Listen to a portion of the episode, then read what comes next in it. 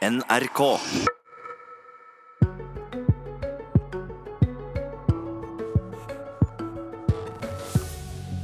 Hent IS-barna med norsk tilknytning heim til Noreg, sier Venstre.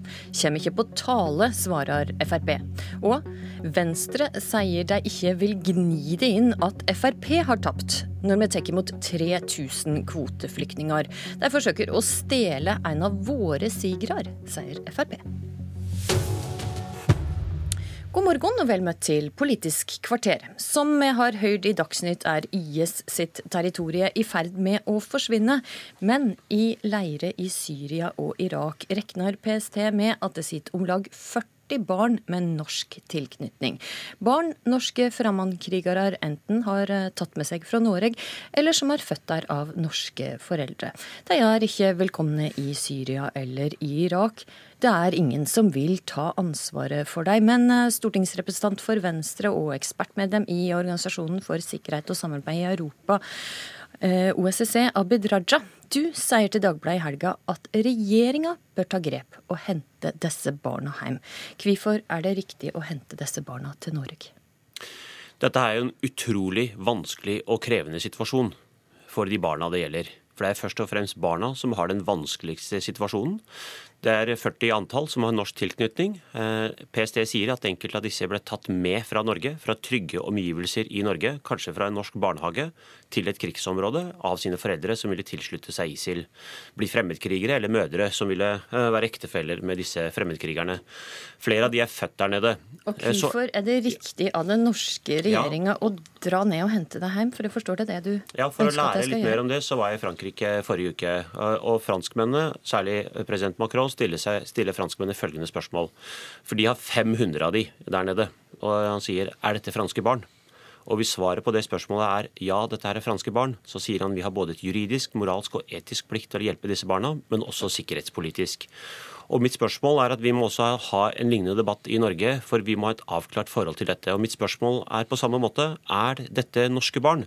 Og Dersom dette her er norske barn, så mener jeg vi både har en etisk, moralsk, juridisk, men også en sikkerhetspolitisk plikt til å hjelpe disse barna eh, mens de er små, for da har vi fremdeles mulighet til å reintegrere de inn i det norske samfunnet. Men hvordan skal dette foregå rent praktisk? Mener du at norske styresmakter skal dra ned til disse leirene og ta deg fra foreldra sine?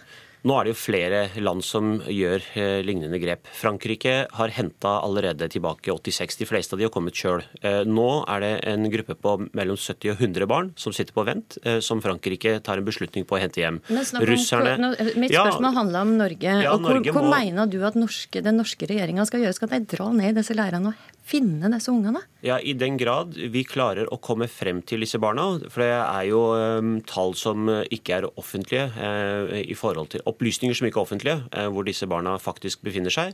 Men norske etterretningsmyndigheter har ganske god oversikt over dette. Og i den grad vi klarer å hente hjem igjen norske barn til eh, norsk barnevern, til fosterfamilier, til eventuelt familiemedlemmer, besteforeldre og andre som lever veldig fredelige, gode liv her i Norge, som ikke tilhører ISIL eller fremmedkrigerskap fremmedkrigermiljø overhodet, som er skremte sjøl. Vi har jo f.eks. sett historien med de tre søstrene, hvor foreldrene er dypt bekymret. Altså det at man henter hjem igjen små barn, alder to, tre, fire år opp til åtte-niårsalderen, og, og ivaretar dem på en god måte gjennom norske fosterfamilier eller med familiemedlemmer. Jeg mener det er både vår juridiske, moralske og etiske plikt, men det er også smart sikkerhetspolitisk. For det som franskmennene sier, det er at ISIL lærer disse barna å skyte og trene fra syv-åtteårsalderen.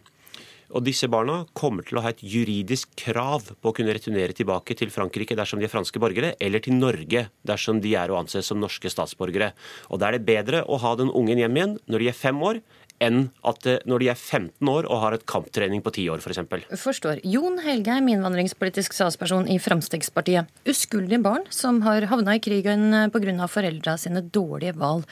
Med norsk tilknytning, hvem skal ta ansvaret for disse ungene? Ja, altså, norske myndigheter har jo sagt at det er ikke noe prioritert oppgave å, å reise rundt og hente tilbake eh, disse barna. Og så klarer jo ikke Abid heller å svare på hvordan det skulle foregå i praksis. For det er ikke sånn at norske myndigheter kan reise verden rundt og kidnappe eh, barn fra foreldrene sine og ta dem tilbake til Norge. Eh, det har man ingen mulighet til. Én ting er de som måtte komme eh, til Norge for egen maskin. Eh, da har man selvfølgelig eh, tilgang til å komme tilbake man er norsk statsborger.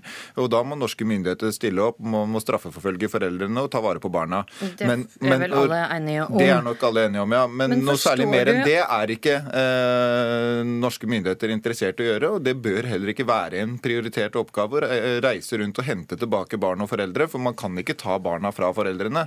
Eh, og få tilbake terrorister eh, til Norge er ikke eh, en prioritert oppgave. Og jeg hører hele tida dette snakket om det etiske og moralske ansvaret man har. Hva med eh, hensynet til eh, norske eh, samfunnet, den norske sikkerheten, som blir satt under press ved at man reiser rundt og henter tilbake folk med kamptrening fra Raja, altså, Syria? Traumatiserte barn med våpentrening. Det kan vel hende at Norge er tryggest uten disse ungene?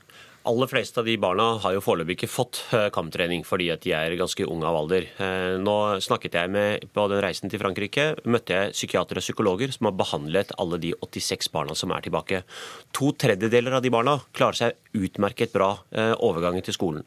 En tredjedel sliter, men det er ikke fordi de er farlige. Det er fordi de er triste, de har angst, de har stressa, de har PTSD. De, de har traumer av ulike art. Dette er barn han ene men, forklarte det altså, Helgheim er ikke interessert ja, i å hente disse barna Jeg skjønner at Helgheim ikke er det, men jeg er ikke så veldig interessert i Helgheim. Jeg er mer interessert i at vi klarer å ha en opplyst politisk debatt, kunnskapsberikt, med gjerne psykologer, kriminologer, sosiologer, som kan berike denne debatten på en annen måte.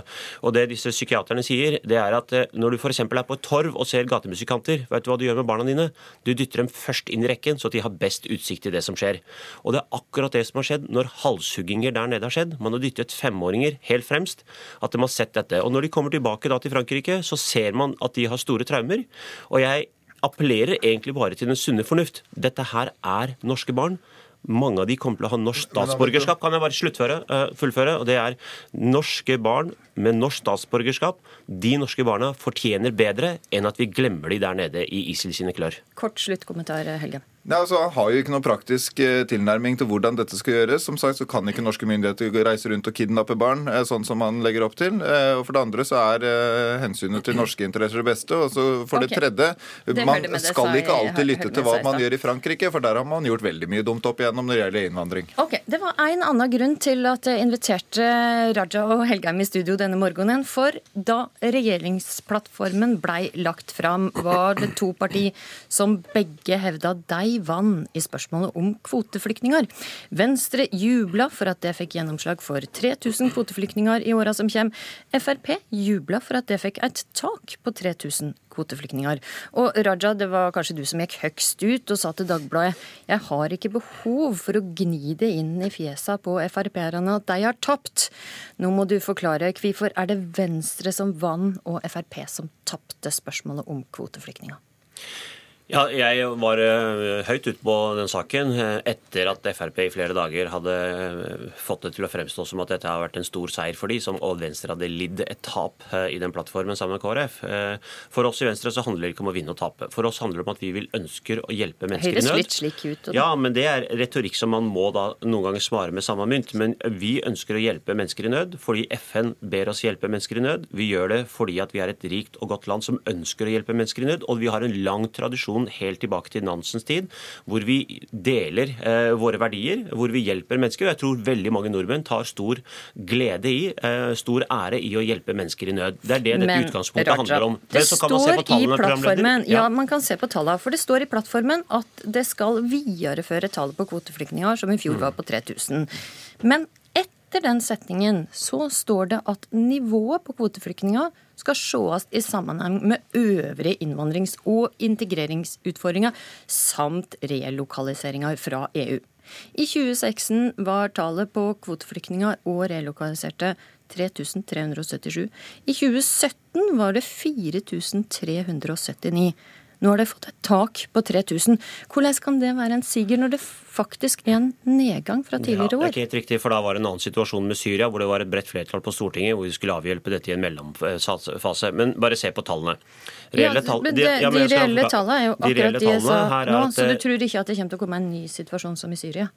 Ja, da, altså Alt kan jo skje, og da tror jeg det er klokt at dersom det oppstår en situasjon slik som vi hadde på Storskog, at uh, da må vi selvfølgelig justere tallene. For vi må ha en kapasitetsbegrensning også i Norge. Men tallenes tale er klar. Vi ligger i europatoppen. Ikke sånn nummer to, tre, fire. Etter vårt folketall ligger vi i Europatoppen. Vi er nummer én i Europa som tar imot flest kvoteflyktninger etter befolkningstall. Det mener jeg er, eh, det må vi være stolte av. Eh, det er veldig bra at den norske regjeringa velger å gjøre. og Dersom Frp ønsker å fremstille det som at det er en seier for de, så er det en seier jeg unner Frp. Helgheim, eh, Jon Helgheim, altså Raja vil ikke gni tapet inn, sier han. Er det storsinnet av han? Altså, Abid Raja er vel eh, helt alene både i Venstre, regjeringen og på Stortinget om å gå ut og mene at uh, Venstre har vunnet noe som helst her. Men vi har ikke hatt noe behov for å uh, gå ut på den måten mot en samarbeidspartner.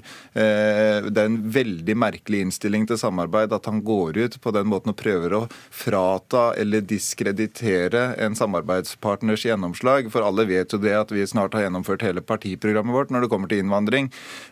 og og, og, styrer det feltet med veldig stø hånd. Men hvordan han, så... det være en Frp-siger at eh, det får et tak på kvoteflyktninger på 3000, når det stemmer jo som eh, Raja sier, at det, det som, Norge er det landet i Europa som, som tar imot flest kvoteflyktninger. Det viktige som vi har pekt på hver eneste gang når vi snakker om dette, det er at det er totalen som kommer. Det er totalen eh, av alle punktene på innvandringsfeltet som teller, og det er totalen av antallet som kommer til Norge. Nå ser vi at vi har færrest asylsøkere siden 1997. Vi har færrest total innvandring til Norge siden 2006. Alle tallene stuper rett ned. Familieinnvandring har ikke vært så lavt som på lenge. Dette men, går nedover. At jeg avbryter, Helge, men når men det gjelder tallet på kvoteflyktninger, så, så, sa jo din tidligere justisminister Per-Willy Amundsen at 3000 var et abnormt høyt krav, og kom med et krav om et dekketall, og dette må reverseres. Vært, hadde det bare vært opp til Frp, så hadde det tallet vært mye lavere. Men vi samarbeider med andre partier partier, og det lever vi fint med. Men så er fortsatt 3000 Det er 110 færre enn det snittet vi har tatt imot de siste fire årene. Og nå har vi satt et tak. Så at det kan vi fint leve med så lenge den totale innvandringen er lavere. Og da er det viktig å huske på at når det totale antallet går ned, så lever vi helt fint med at det kommer færre grunnløse asylsøkere, færre familiegjenforente, færre eh, på eh, henteekteskap og den type ting, og heller noen flere av de som faktisk trenger hjelp. Det lever vi helt fint med, men vi hadde helt uh, klart hatt et lavere antall kvoteflyktninger hvis vi hadde bestemt selv. Men det som er så rart, er Abid sitt store behov for å gå ut og, og, ta samarbeidsparter. De har jo fått mange gjennomslag på andre deler av plattformen som de heller kunne gått ut og, og skryte av. De har fått mye rart på klima som de sikkert er veldig stolt av. Hvorfor går, de ikke, hvorfor går de ikke ut og snakker om de tingene der som de har fått til, istedenfor at de ikke unner Frp at vi styrer innvandring med stø hånd og har den strengeste innvandringspolitikken vi noen gang har hatt. Ok, Der må jeg faktisk avslutte denne debatten og takke av Jon Helgheim, for vi skal nemlig rekke nokre få spørsmål til om Venstre. Ja, Det var jo ganske mye som ble sagt som man ikke kan få svar på, men jeg kan la det ligge. For jeg har ikke noe behov for dette her. Du, Vi må noen, stille noen spørsmål om eh, Venstre også, Abid Raja. For etter at NRK i forrige uke publiserte ei sak der eh, to lokale venstrefolk eh, uttrykte sterk misnøye med Trine Skei Grande sin lederstil, har det storma rundt partilederen. Og det går ikke akkurat veien på målingene om dagen heller. Så eh, har du av flere blitt lansert som mulig ny Venstre-leder. Hvorfor eh, tror du flere peker på det som eh, Trine Skei Grande sin arvtaker? Det er veldig hyggelig å bli fremsnakket. Jeg tror det er en god verdi at vi eh, tar til oss. Eh, samtidig som jeg sier jeg er opptatt av å gjøre en veldig god jobb for Venstre og løfte oss tilbake på målingene slik vi hadde før. Eh, dette knekket vi har fått. Og det er ingen hyggelig lesning for noen. Nå er Trine Skei Grande leder, og det er hun frem til landsmøtet 2020. Og vi kommer til å jobbe sammen, slik vi har gjort tidligere, for å løfte partiet opp på målingene. Men er Trine Skei Grande rett person til å leie Venstre også gjennom neste stortingsvalgkamp? Ja, det er noe landsmøtet tar stilling til, så det er ikke mulig å forskuttere nå. Nå skal vi hva først... Syns du? Nå skal vi først rigge dette apparatet for å gjøre et best mulig valg nå til lokalvalget som kommer. Og jeg har nå varslet at eh, for å lære, forstå og lytte eh, distriktenes behov bedre, så skal jeg, som jeg er jo storbygutt, men jeg skal reise nå rundt. Jeg gjorde det også for fire år siden. Sykla jeg fra Lindesnes til Nordkapp, lærte mye. Nå skal jeg reise rundt i distriktene for å ta imot hvordan, innspill på hvordan de skaper verdiskapning der, hvordan de lever de gode liv. At det urbane liv trenger ikke nødvendigvis være i Oslo sentrum, men det kan også være i distrikt. F.eks. hos ordføreren ordføreren min eh, Alfred Bjørlo oppe i Eid. Så får vi se om eh, det hjelper på eh, målingene. Takk, Abid Raja. Politisk kvarter går mot veis ende. Husk at du kan abonnere på sendinga som podkast.